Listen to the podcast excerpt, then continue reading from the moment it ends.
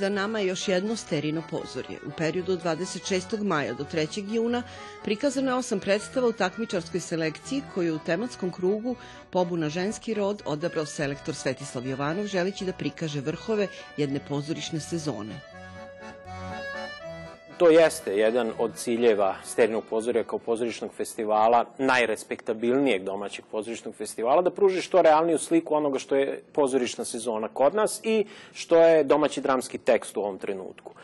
E, najviše to zavisi od izbora selektora i naravno od tog referentnog sistema koji se stvara kada se te predstave nađu na jednom mestu i kada smo u situaciji da malo odvagamo šta je tu ponajbolje, a šta možda i nije baš savršeno.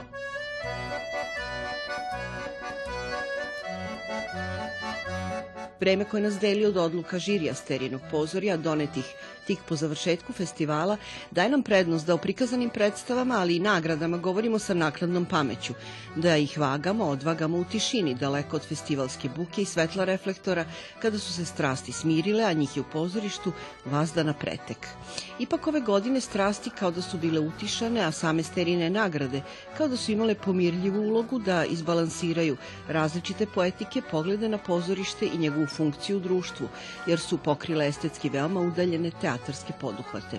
Negde se šapatom pronela opaska da se radi o klasičnoj trgovini. Koliko je bilo trgovine u raspodeli sterinih nagrada, možda bi moglo da se nasluti i sučeljavanja samih nagrada sa naknadnim, odležalim komentarima predstava i njihovih autora.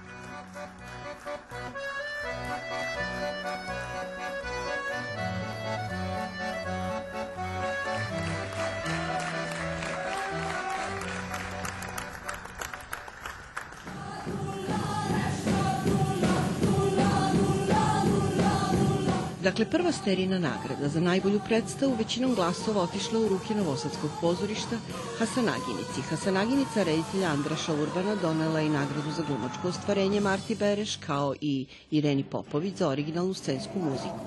Obema jednoglasnom odlukom žirija i opet većinom glasova Vedrani Božović za dramaturgiju. I ovoga puta sa Andrašom Urbanom nije moglo bez mnogo buke i besa. Hasanaginica Ljubomira Simovića, taj radoviđeni komad na domaćim scenama, poslužio je reditelju kao inspirativan povod za demistifikovanje arhetipa, koji simbolizuje ženski lik iz narodne balade o Hasanaginoj ženi. Samo što je junakinja balade postala junakinja punk koncerta, a buka i bes su njegove glavne odlike i energija sa veliki me. Performativnom karakteru Urbanovih predstava u Hasanaginici se pridodao taj izvođački punk rock naboj koji nikoga ne ostavlja ravnodušnim, pa čak ni one koji zapuše uši.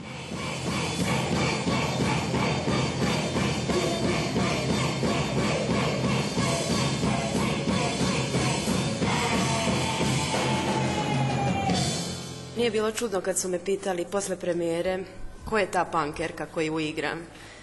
Iako sam se začudila, jer ja ni u jednom trenutku nisam imala u glavi pankerku, nego sam više imala neku možda neku mačku koja plače nad svojim mačićima ili neku, neku vučicu. Meni je, meni je ovaj lik igrajući, više osjećam neku životinju u sebi nego, nego neki, neki žanovski određen lik.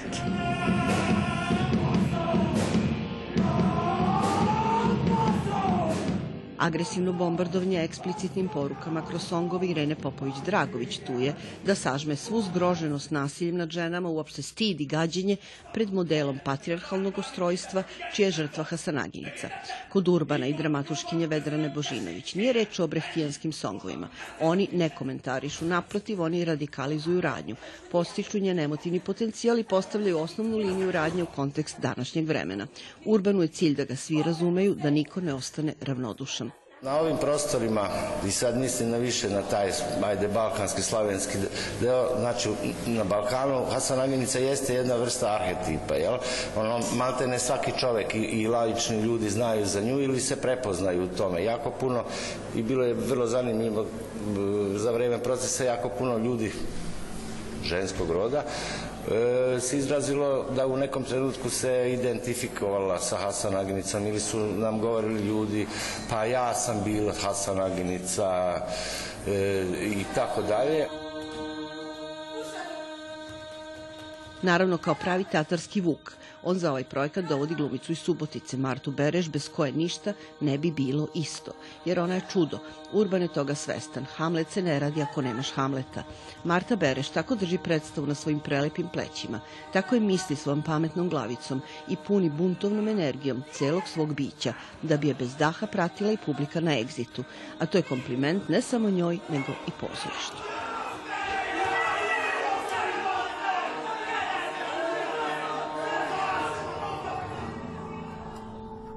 Sledeća serijna nagrada za tekst savremene drame, opet većinom glasova, otišla je u ruke Video Gnjenović, dok je sama predstava Gradskog pozorišta Podgorica za predstavu Kozocid ovenčana možda najslađom nagradom jer je dodeljuje publika u anonimnoj anketi. Nagradom publike sterinog pozorja sa prosječnom ocenom 4,66.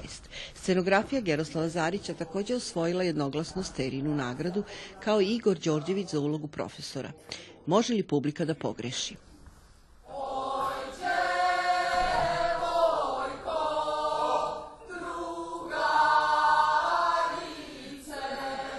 Okosnica drame Kozocid video Gnjenović petogodišnji plan obnove i izgradnje koji u planinskim krajevima nakon drugog svetskog rata predviđa uništenje koza kao glavne opasnosti za razvoj dirigovane drne industrije, dovoljno absurdna i smešna da realizam momentalno pretvori u absurdnu satiru.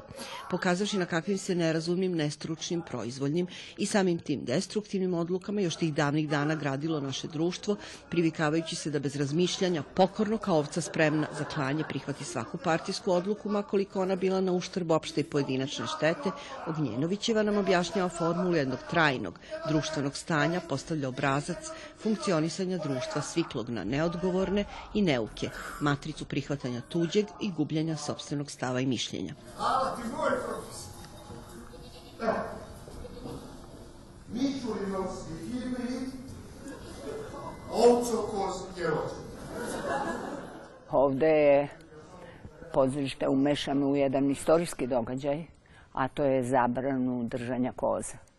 I naravno, pošto je to bila politička zabrana, politika se tu pokazala kao važan činilac tog događaja.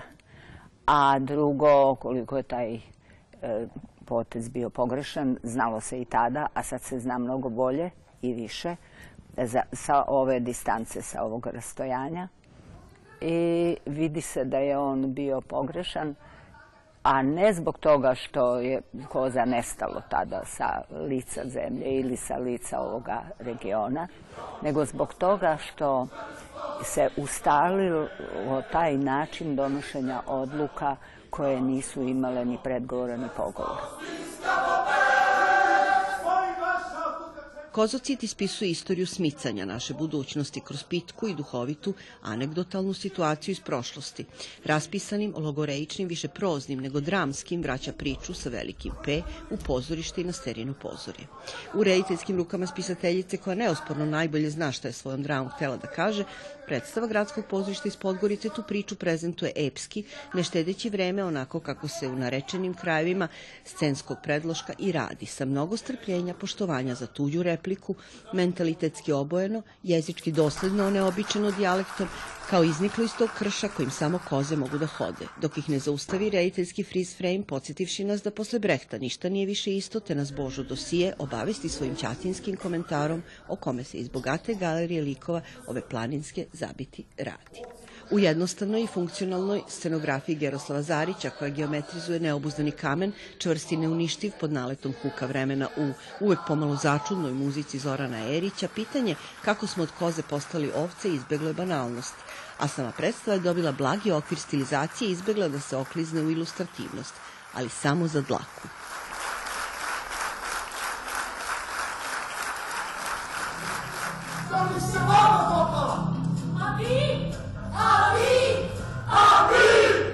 Treća velika sterina nagrada, ona za režiju, dodeljena je Kokanu Mladenoviću, za režiju Karoline Nojber, Nebojše Romčevića.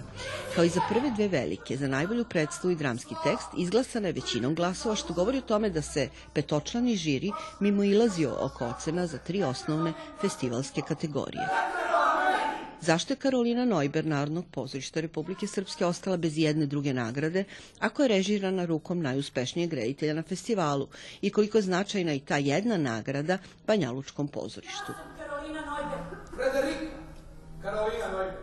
Dolazak Kokana Mladenovića u Narodno pozorište Republike Srpske u Banja Luci opisuje ondašnji kritičar rečima Stigao je Kokan u naš mali grad. Naglasivši time reputaciju reditelja čije predstave provociraju, uzbuđuju, polarizuju mišljenja, ali i bude ansambl, što reče Abdullah Sidran za glumce Kamenog teatra u Sarajevu, gde je Kokan postavio njegu Doli Bell, ne znam šta radi glumcima, izgledaju kao hipnotisani. Nameće se da je baš ta paralela između stare sterijanke Karoline Neuber, koja nam se posle 20 godina vraća, i reditelja koji na sličan način doživljava pozorište, ključna za nastanak predstave koju smo videli. Je reč o jednoj od najpoznatijih glumica pozorišnih menadžerki koja je reformisala nemačko pozorište 18. veka, boreći se protiv jeftinog, vulgarnog, zabavljačkog, baš kako se i Mladenović svakom svojom predstavom, a videli smo ih mnogo, beskompromisno suprotstavlja čitavom pozorišnom establishmentu, kulturnoj politici, pa i politici uopšte. Ne zaboravljajući da na targetnu listu uključi sebe. Jedna od mogućih Karolina u predstavi kaže, parafraziram, ako spalim pozorište, spaliću i sebe. To je sudbina svih nas koji smo se ikada uhvatili teatra. Čak ta sudbina bio predskazana na samom početku komada i onda se otelotvori kao, kao takva. Traži beskreno mnogo odricanja, traži a, a, stalnu borbu protiv vetrenjača. A, mi živimo ostalom u zemlji koja za kulturu izvaja 0,62% sobstvenog budžeta kad nešto počinje sa nulom i kad vas neko proglasi nulom kao aktualne vlasti nas, onda vam je jasno šta oni o kulturi i, i o pozorištu misle. Pa nije lako stalno znati da ste nekome nula ko odlučuje o našim životima, a spremati komade, verujući da pozorište popravlja svet, a nalaziti u sebi snagi i energije da iznova i iznova pravite neke predstave za koje, eto, naivno verujete da, da deluju na, na pozorišnu publiku i da na taj neki neki subtilni način menjaju svet oko vas.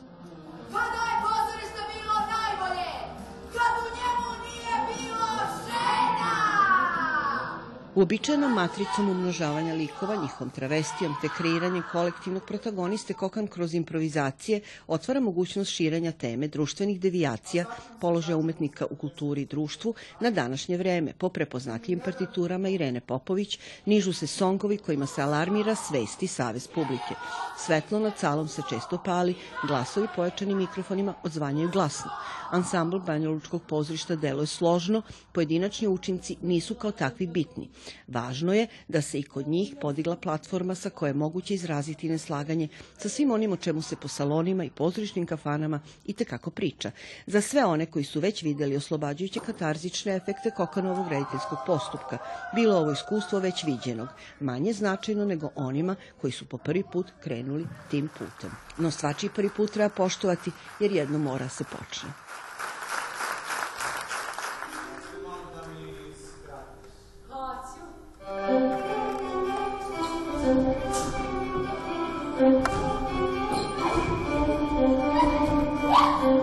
Predstava Petrin venac po romanu Dragoslava Mihajlovića Telja 212 zadovoljila je žiri u kategorijama glume, kostimografije. Jovana Gavrilović je jednoglasno osvojila žiri ulogom Petrije Gradske, a Ivan Marković je ovenčan nagradom iz fonda Dare Čalenić za najboljeg mladog glumca. Kostimi Tatjane Radišić jednoglasno su priznati kao najbolji. Kakav je utisak ostavila predstava Telja 212 kojim je otvoreno ovogodišnje pozorje?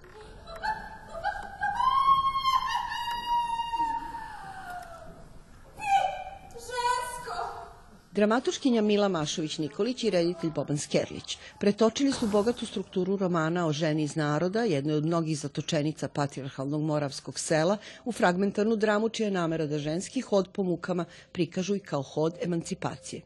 Razapete između klasičnih polariteta, staro, mlado, siromašno, bogato, selo, grad i naravno muško-žensko, Petrija koju autori predstave Atelja 212 tripliciraju u mladu, gradsku i udovicu Petriju svojim celoživotnim strpljenjem ispisuje put mučeništva.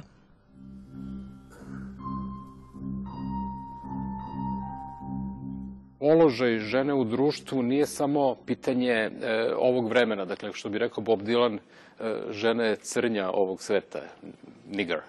Ove, e, I ta, e, to se, ta, ta, ta situacija i e, žensko pitanje se nekako podrazumeva, dakle, taj položaj žene e, je podrazumevan i ta paradigma se ne dovodi u pitanje. E sad, potreba da se sa tim makar suočimo, ako već ne možemo da ga promenimo, ovaj, sa nekom idejom da će e, ta, to suočavanje dovesti ipak to 400 po 400 gledalaca, pa puta sad koliko se puta bude igralo, ili 1100 večeras ovaj, u, velikoj sali SNP-a, prosto postoji nada da će to neku promenu ipak izazvati.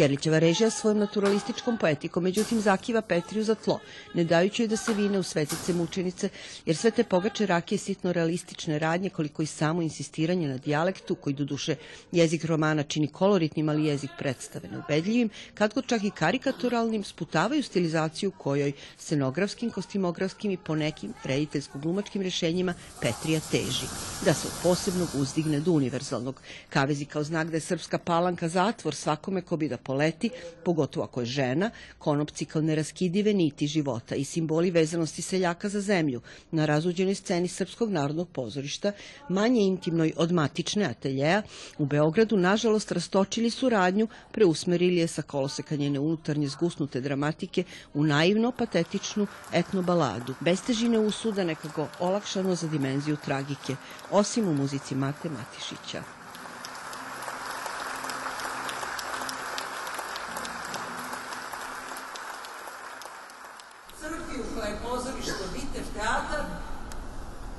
Nije služena služba Božja. I prihvatate tu laž jer to nije vaša crkva. Žiri okruglog stola kritike doneo odluku da nagradu Dejan Penčić Poljanski dodeli ostvarenju Mira, bitev teatra iz Beograda. Mira ušla i u obrazloženje sterijene nagrade za dramaturgiju, originalnu muziku, ali i još jednu, poslednju od četiri velike glumačke nagrade, koja odšla u ruke Mirjane Karanović, međutim većinom glasova, dok su ostale tri glumačke objedinile žiri, ova ga je razjedinila. Zašto? Ubedit ćemo dakle Urbanovskim prepoznatljivim jezikom bučnog rituala, performativno, provokativno, aktuelno, ali ne bez sentimenta, igralo se u čast kraljice avangarde buldožera u krzanom kaputu Mire Trajlović. Autorski tim projekta reditelj Andra Šurban, dramatuškinja Vedrana Božinović i glumice Mirjana Karanović, Suzana Lukić, Anđela Jovanović, Isidora Simionović i Gorica Regodić poigrao se samim imenom Mira, izlažući svoju glumačku ličnost i sudbinu kao artefakt.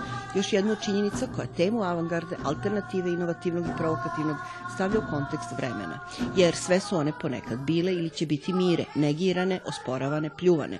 I to je ono što priču o osnivačici Atelja 212, bitev festivala i bitev teatra postavlja u koordinate trenutka koji živimo.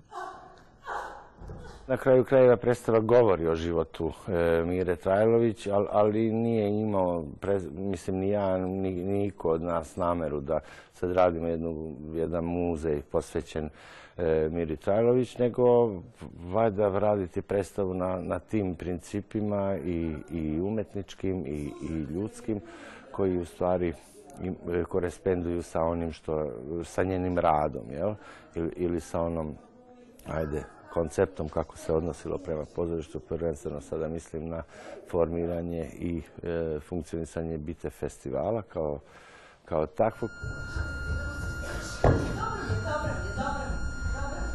Šta je ostalo od kosmopolitskog drugačijeg, bitefovski otvorenog, šarenog pogleda na svet, na našim scenama koje tavore u okamenjenoj tradiciji neokonzervativizmu i šta je uzrok nebrige i nemara društva prema pozorištu? Pitanja su kojim se zapravo bavi Urbanov autorski projekat. Manje ili više pamfletski segmenti dirigovanih improvizacija, dijaloga i monologa, songova, nezaobilazne Irene Popović-Dragović, u dosta labavoj kauzalnoj strukturi ovog scenskog dešavanja, razbijenog su ritma, nižu se nošeni ozbiljnom koncentracijom i energijom pet glumica, među kojima se ipak izdvaja Mirjana Karanović kao matica oko koje kruže ostale male mire. Nije nebitna ni vizualna sličnost na kojoj se frizurom, kostimom i šminkom kostimografkinja Marina Sremac insistira na sličnosti sa Mirom Trajlović. Uopšte u pozorišnoj igri ove vrste svaka slučajnost je namerna i mada deluje kao da je proizašao iz leženog ćaskanja i druženja učesnika, put do finalnog oblika predstave u stvari pažljivo i mukotrpno opipavan kroz šumu podataka, istraživanjem, ispitivanjem, razgolićavanjem ličnih društvenih stava iskustava, tako da na kraju svi imaju osjećaj da su autori, a potpis ipak samo jedan, reditelja Andraša Urbana.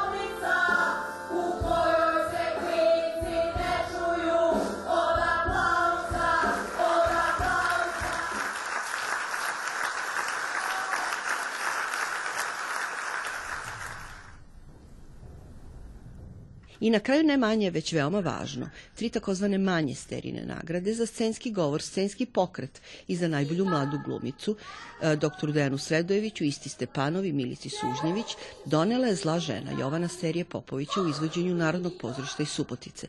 Zašto nije manje važno, već vrlo važno progovoriti o ovoj predstavi, čućete u sledećim redovima.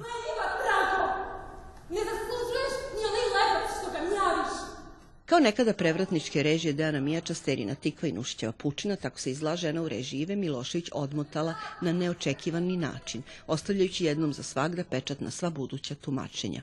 Imati bar jednog steriju na sterinom pozorju prikladno i dobro vaspitano, ali imati ga u novom tumačenju sprovedenom dosledno u svim elementima scenskog jezika, uz poštovanje komediografske poetike i epohe Bidermajera, zaronjenog u Vojvođansko blato, to je pravi bingo. Još jednom je kao u slučaju pokondirane tikve ženski vapaj za boljim životom poremetio red i poredak, onoga što zovemo palanka. Miloševićeva prikazuje svet male zatvorene zajednice kao pozornicu bezličnih kreatura, ukočenih grimasa koje nose dominantne crte palanačkog karaktera, udvorništva, pritvornosti, zavisti, zlobe, oholosti, pohlepe, a skrive usamljenost, glad i žeć za boljim životom. Redljika nas uvodi u svet groteske, svet u kome je sve predimenzionirano, kodifikovano, zacementirano, pa čak i govorna radnja koja postaje groteskni, rečitativ kao kod sjajnog Miljana Vejnovića u ulozi grafa Trifića, afektirano zapevanje kod njegove večito nezadovoljne sultane Milice Sužnjević, alkoholisano bulažnjenje čizmara Srete Igora Greksa, persidino podaničko molitbeno kukumavčenje za trunku milosti Suzane Vuković. Ja sam zadržala epohu, išli smo u pravcu određene vrste groteske i stilizacije sa izuzetno jakom šminkom, jakim grimasama, ekspresivnom glumom. E, međutim, e, postoje e, rediteljski potezi, da tako kažem, koji e, ruše konvencionalnu e, očekivano konvencionalnu jednu muzejsku postavku sterinog komada, i mi smo se poigravali sa epohom i načinom na koji se sterija uglavnom i najčešće postavlja. Jeste, ja znam da sam milostivu gospođu do Karuca otpratio. Volja ti! Smelim, radikalnim štrihom Iva Milošević preokrenula je priču o poučnom pomirenju koje vraća sve u prvobitno stanje, u priču o zlokobnoj pouci koju sultana izvlači iz batina koje dobije kao čizmareva žena Pela, a to je da je lakše tući nego primati batine. Preuzevši biću svoje ruke, sterina junakinja od nesrećne, neshvaćene žene postaje prava, zla žena, a njeno okruženje konačno prihvata pristajući da igra kako ona svira. Uz citru će od sada pevati njen muž umilnim glasom kastrata, dok će svi ostali ostali stajati kao figurice od porcelana u vitrini u čijem staklu će se ogledati iskeženo lice surove gospodarice.